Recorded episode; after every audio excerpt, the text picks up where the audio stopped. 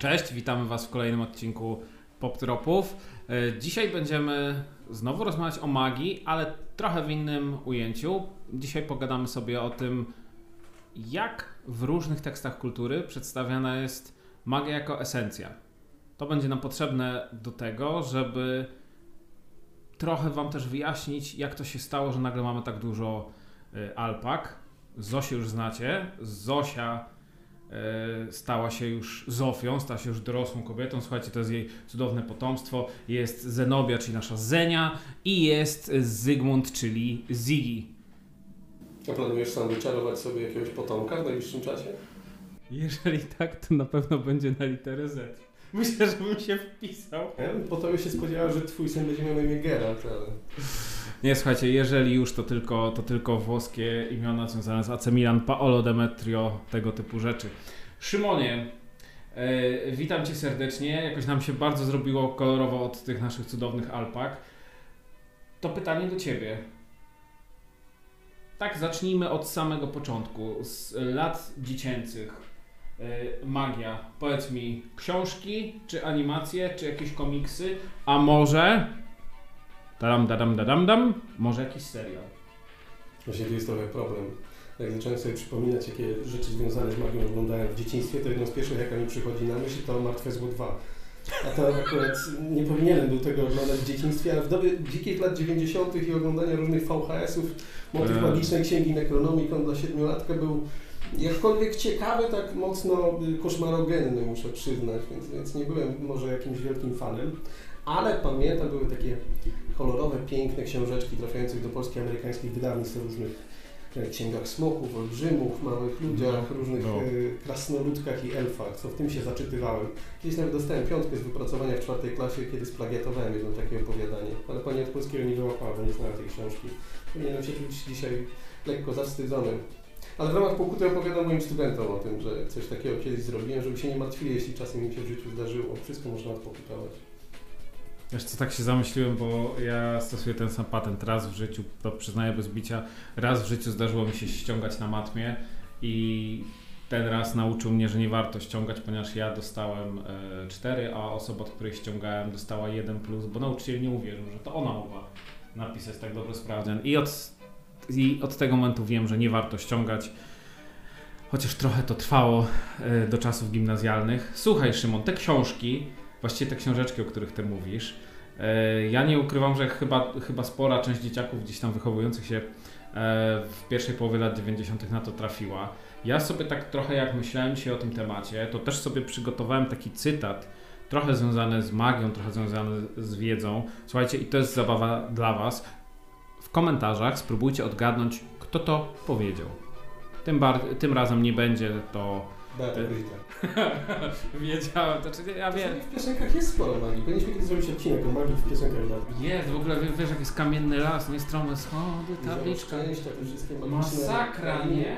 Tak. Ale, ale Batka miała taki, wiesz, taki vibe, y, że tutaj jakieś magia, jakieś magiczne eliksiry. Przecież Boże, pierwszy byłem czary mary, czarodziejska skrzynia, o Boże, małpa i ja. Jezu, przez, Wiesz, była piosenka o piciu wódki? Steel, ja, wiesz, to jest życiodajny płyn w pewien sposób, nie? To można by to tak jakoś spróbować. Tak, Złapać. Latach trochę magiczne eliksiry. Za bardzo, za bardzo weszły. Słuchajcie, e, ja czytam, wy próbujecie w komciach odgadnąć, kto jest autorem tych słów. Im bardziej rośnie prawdziwa moc człowieka, im bardziej poszerza się jego wiedza, tym bardziej zwęża się droga, po której może on kroczyć.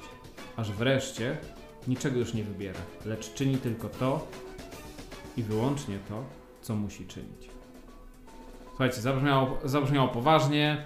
E, podpowiem, autor bądź autorka tych słów jest bardzo mocno związana z magią. Na pewno, bądź związany, na pewno odgadniecie. Jestem ciekaw, e, jak szybko sobie z tą zagadką poradzicie. Ty czytałeś coś magicznego przed Wiedźminem do? Znaczy ja z tego co pamiętam, słuchajcie, to ja strasznie, straszliwie katowałem dzieci z Bullerbyn, tam magii nie było. Ale, e, ale e, chyba jak spora część e, moich rówieśników trafiłem na taki moment, kiedy Hobbit był lekturą szkolną i tutaj miałem bardzo dużo problem. Absolutnie mi nie podszedł, wiesz, w ogóle dla mnie to, była, to było złe. Yy, bo, bo tam mi się nic nie zgadzało, zwłaszcza wyjadanie ze spiżarni, coś obcy ludzie przychodzą i jedzą ze spiżarni twojej, yy, twoje zapasy, a ja byłem fanem grzybków marynowanych i ja nie chciałbym, żeby ktoś przyszedł do domu i je zjadł. Ale tak sobie pomyślałem, że w sumie, wiesz co, bardzo dużo takiej magii to ja pamiętam z komiksów z uniwersum Kaczogrodu, bo był taki moment, w którym była cała seria komiksów, bodajże chyba to było w Gigantach, gdzie raz w miesiącu był komiks, który nawiązywał albo do jakiejś powieści, albo do właśnie jakiegoś filmu bądź serialu.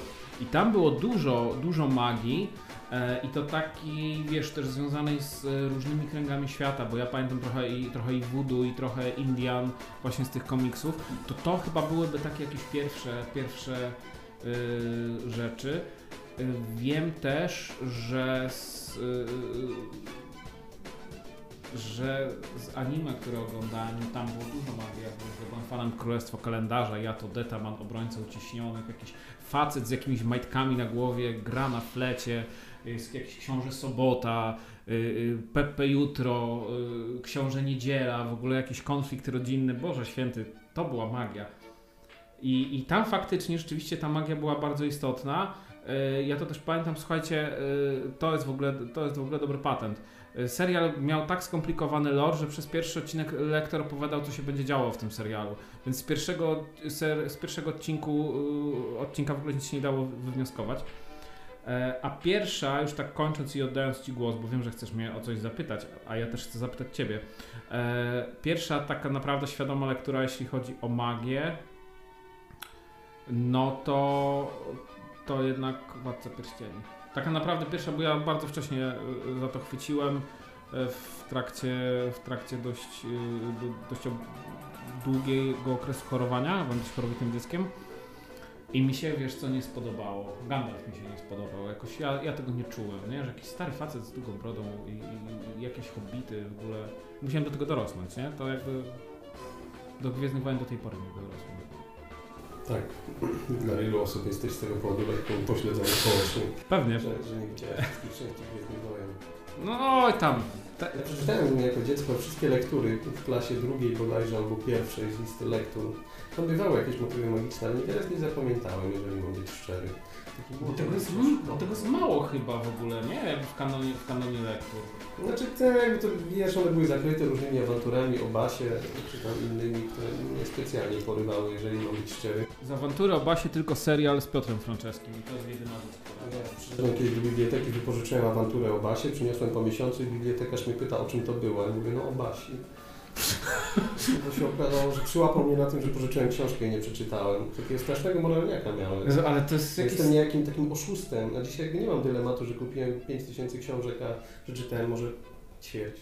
Prawda? No właśnie o to chodzi, tak? Bo to jest kwestia tego, żeby te książki mieć, ale niekoniecznie, żeby je przeczytać.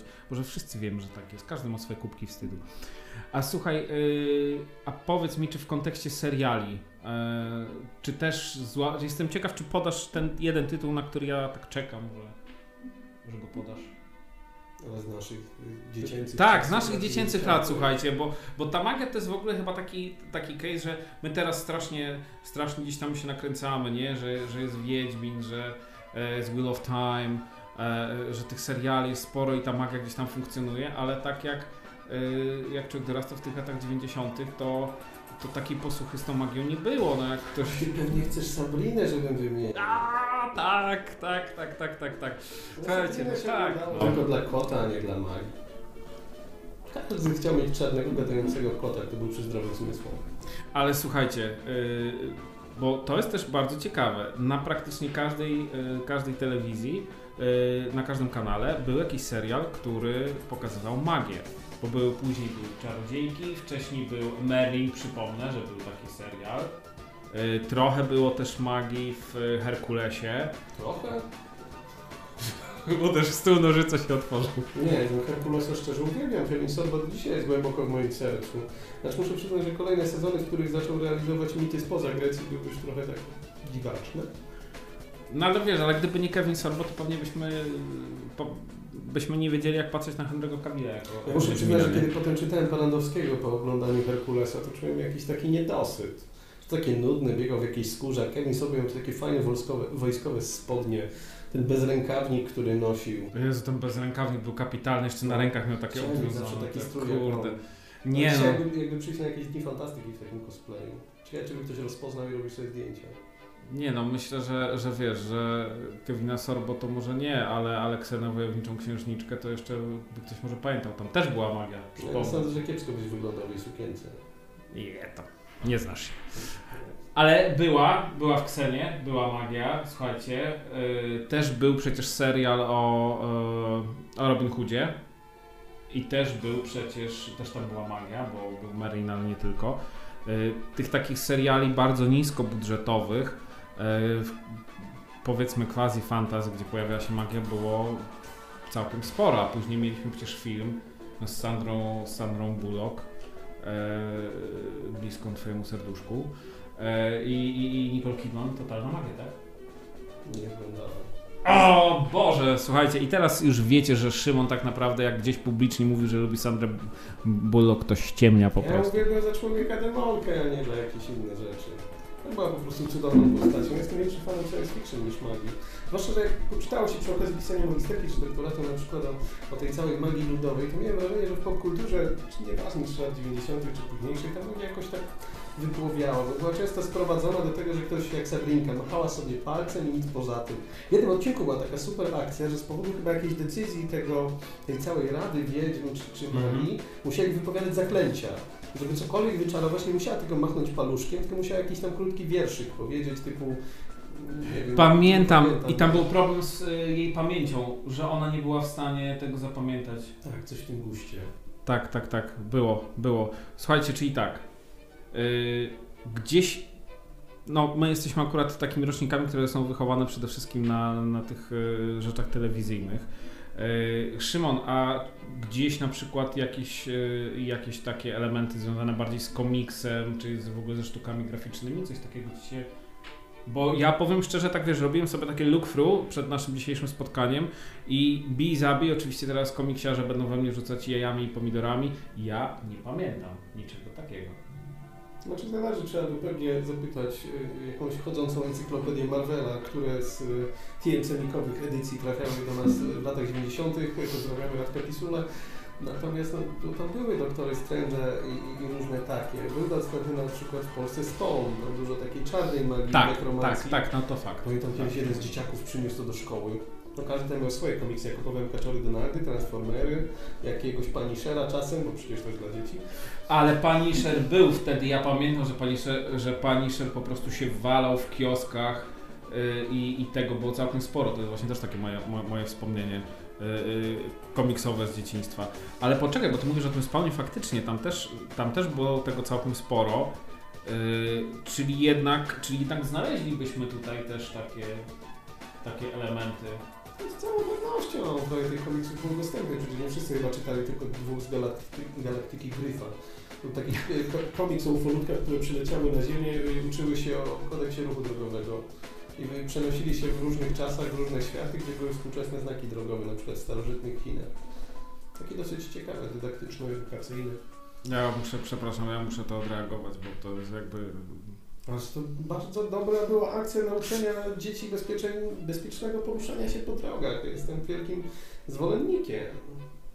Kajku i Kokoszu bywały czasem jakieś chyba magiczne.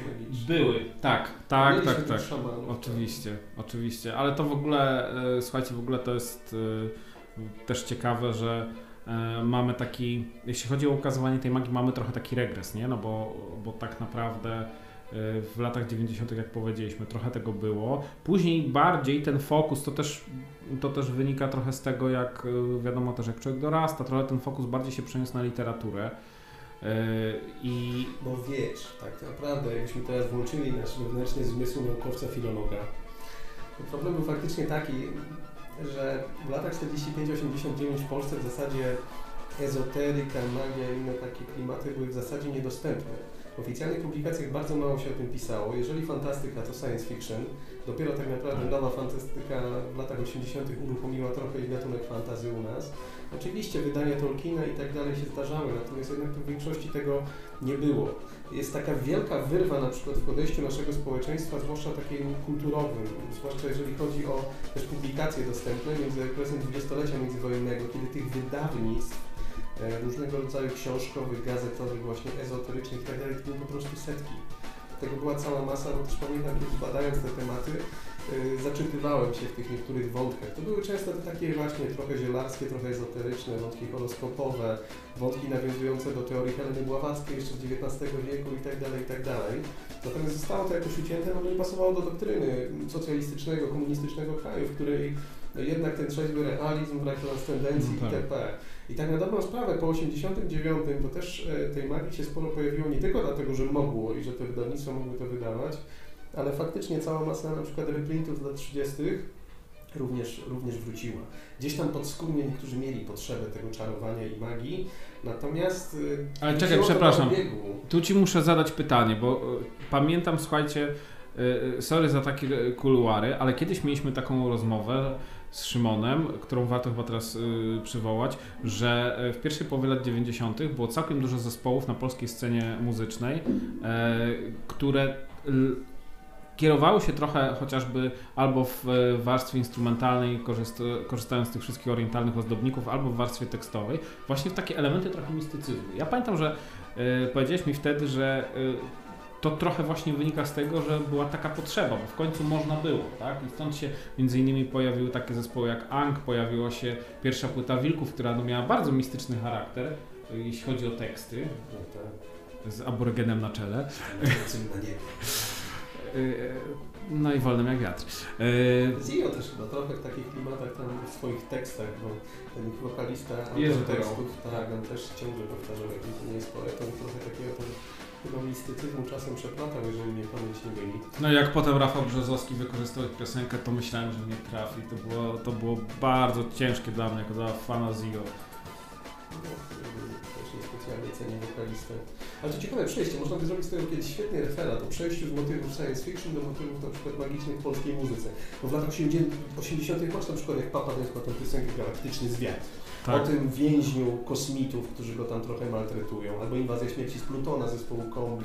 No jest tego całkiem sporo, ale też wiesz, ja nie wiem, czy to nie jest y, nie jest też kwestia tego, że no, pojawił się nowy instrumentarium, wiesz, więcej, więcej takich technologicznych rzeczy, E, no akurat podajesz przykład kombi, no tam to mocno widać, mocno słychać, przepraszam, tak? Chociaż po kostiumach to i też widać, no tak. E, jakby na to popatrzeć. No to trochę czasem postaci z wizji futurystycznych.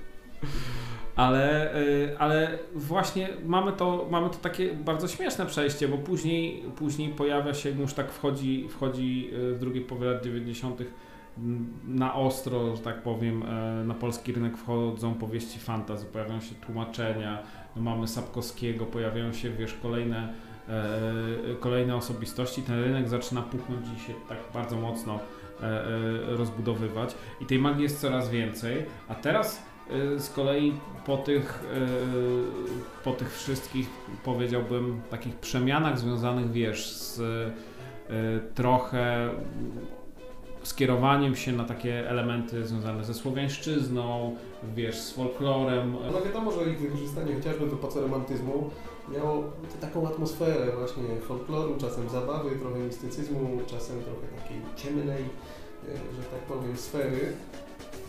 A dzisiaj możemy to eksploatować na, na, na wiele różnych sposobów. A też sporo tej naszej kultury jest dzisiaj do odkrycia ponownie, bo też mam wrażenie, że dużo tu pomaga chociażby proces digitalizacji, kiedy te stare źródełka etnograficzne można na nowo odkryć paroma kliknięciami, a nie trzeba kręcić korbką rosolinę z mikrofilmem. Co było oczywiście w jakiś sposób uroczą czynnością, bo lubiłem od czasu do czasu, no niemniej jednak to trochę uciążliwe. No i trochę takie odkrywanie kultury od czasu do czasu ludowej mm, na pewno jest na czasie.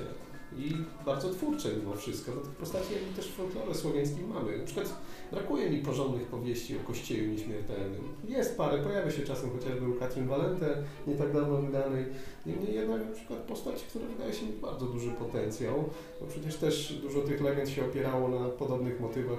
Chociażby Horcruxy u, u Joanne Rowling to przecież nic nowego, bo to No motyw tak. zewnętrznej duszy, o której wielokrotnie pisał chociażby James George Fraser w Złotej Gałęzi. Tak. Wiele takich motywów i legend przecież było, więc twórcze ich zaadaptowanie, no i popatrz ile tysięcy dzieciaków się cieszyło. Znaczy nie wiem, czy Horcruxy pewnie nie były głównym powodem, dla których, y, że tak powiem, trzęsło się przed Voldemortem i dla, dla których Harry Potter był dla niektórych fajny, Znaczy nie, no wiesz, no, widzisz Voldemorta, widzisz postać bez nosa, no to wiadomo, że to jest ciekawe. Ale y, mm, wiesz, bo y, tutaj mówisz trochę o tym, y, o tym bogactwie, które ja się z tą z- zgadzam. No, my tak naprawdę możemy teraz za sprawą digitalizacji, za sprawą też, y, też różnych programów, które trochę mają to nasze dziedzictwo kulturowe od, odkrywać, możemy też poznać trochę lepiej, tak?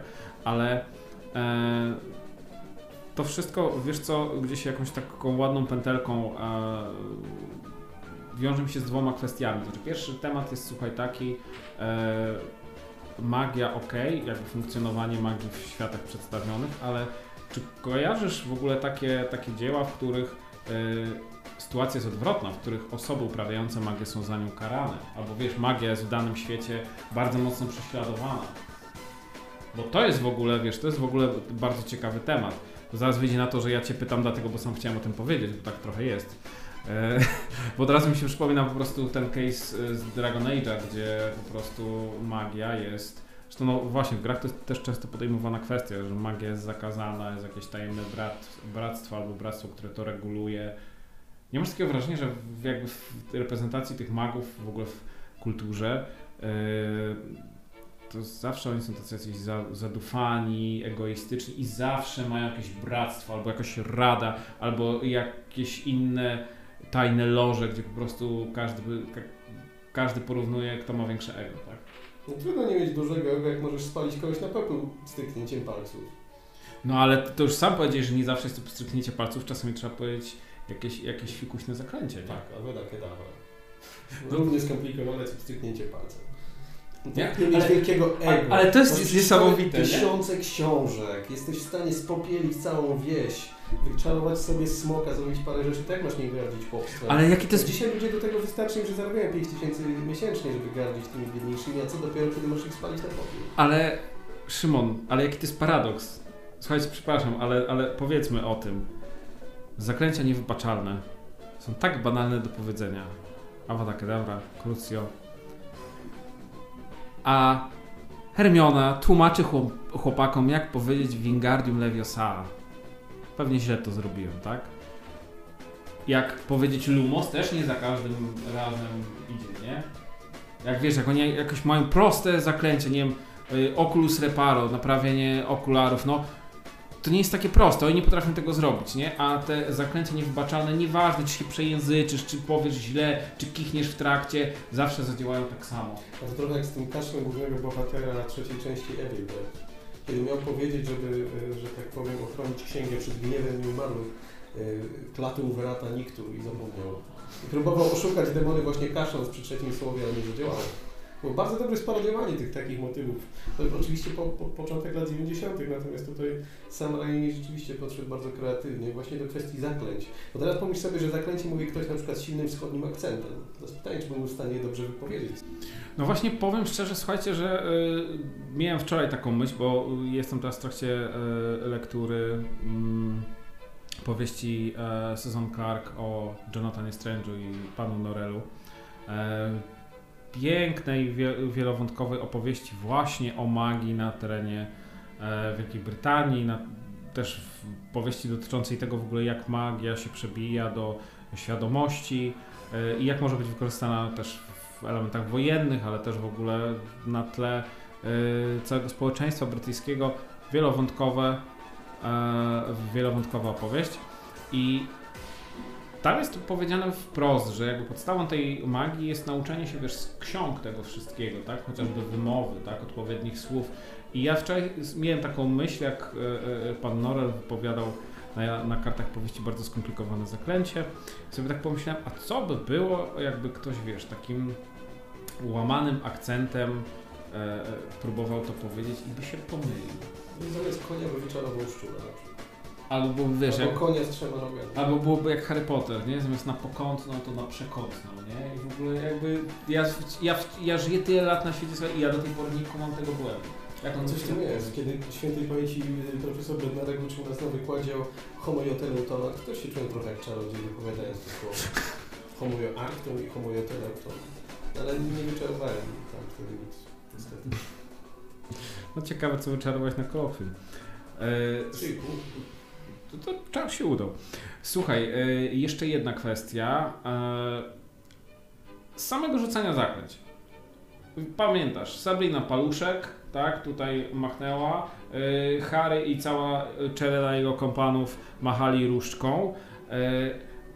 Ale są też takie mm, opowieści, które pokazują, że, zaje- że zajęcia, Boże, już praca wchodzi za mocno, że zaklęcia się tka, wiesz, jak taką bardzo, bardzo grubą, mocną tkaninę i że to jest bardzo trudne. Ja pamiętam e, Jonathan Stroud i Amulet Samarkandy, świetna, świetna seria, mam nadzieję, że się w końcu doczekamy ekranizacji. I tam jest to pokazane właśnie, że wiesz, że, że to nie jest taki hop tak? To nie jest właśnie tak jak, tak jak u Rowling, tylko to jest bardzo skomplikowany proces, ileś tam rzeczy musi, musi zaistnieć. E, tak podskórnie, która wizja Ciebie przekonuje bardziej, słuchaj? Taka, gdzie to jest, wiesz, taka nieskrępowana niczym moc, która może ma jakiś, e, e, ma jakąś cenę, patrz, patrz Wiedźmin, to jest tam fajnie pokazane, albo to jest taka, wiesz, taka właśnie praca badacza ze szkiełkiem, lubką i musisz to wszystko tkać, żeby to zaklęcie się trzymało. Co Cię bardziej przekonuje? Ale zadałeś trudne pytanie. Słuchajcie, na koniec musiało być ciężko. Mu- Musi być trudno. Nie no, to jest taka, że to trochę jak wiesz, jak z jakimś specjalistą, na przykład prawnikiem. Kuba te księgi, kuba te księgi, potem żeby na pstryka odpowiedzieć. Że albo można, albo nie można. Może z magią tak też powinno być. Skoro nasiedzieli się w tych księgach, a potem jeszcze muszą tkać. Trochę nuda. Czy jednak wo- wolałbyś, żeby ten wysiłek był nagrodzony, żeby można było poszpanować, nie? No jak na przykład Lucyfer robił pstryknięcie palcem Supernatural i ludzie wybuchali, stawając, stając się kałużą krwi, to mnie przekonywało do jego mocy. A gdybym miał siedzieć i na przykład z drutami robić sweterek, żeby z tego sweterka rozwalić wroga w trakcie bitwy, to tak sprawiałoby wrażenie, że wyglądałby jak szwaczka, a nie jak król piekieł.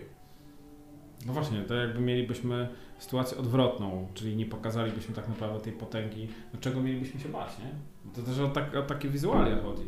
No właśnie. Czar bez błysku nie jest prawdziwy. No nie, no wiadomo, nie? Słuchajcie, e, to myślę, że na dzisiaj e, to są nasze rozważania właściwie trochę dotyczące esencji magii. Powiedzcie nam, napiszcie w komentarzach, e, jaką wizję magii wy lubicie najbardziej? Czy właśnie tą potężną, e, trochę taką szpanerską, czy może taką wizję bardziej naukową, gdzie to jest poprzedzone przygotowaniami, rytuałami i tak. Napiszcie w komentarzach. A, czy wolicie magów ognia, czy magów wody w gotiku? a może jesteście fanami śniącego. Dzięki wielkie, trzymajcie się, do zobaczenia, cześć.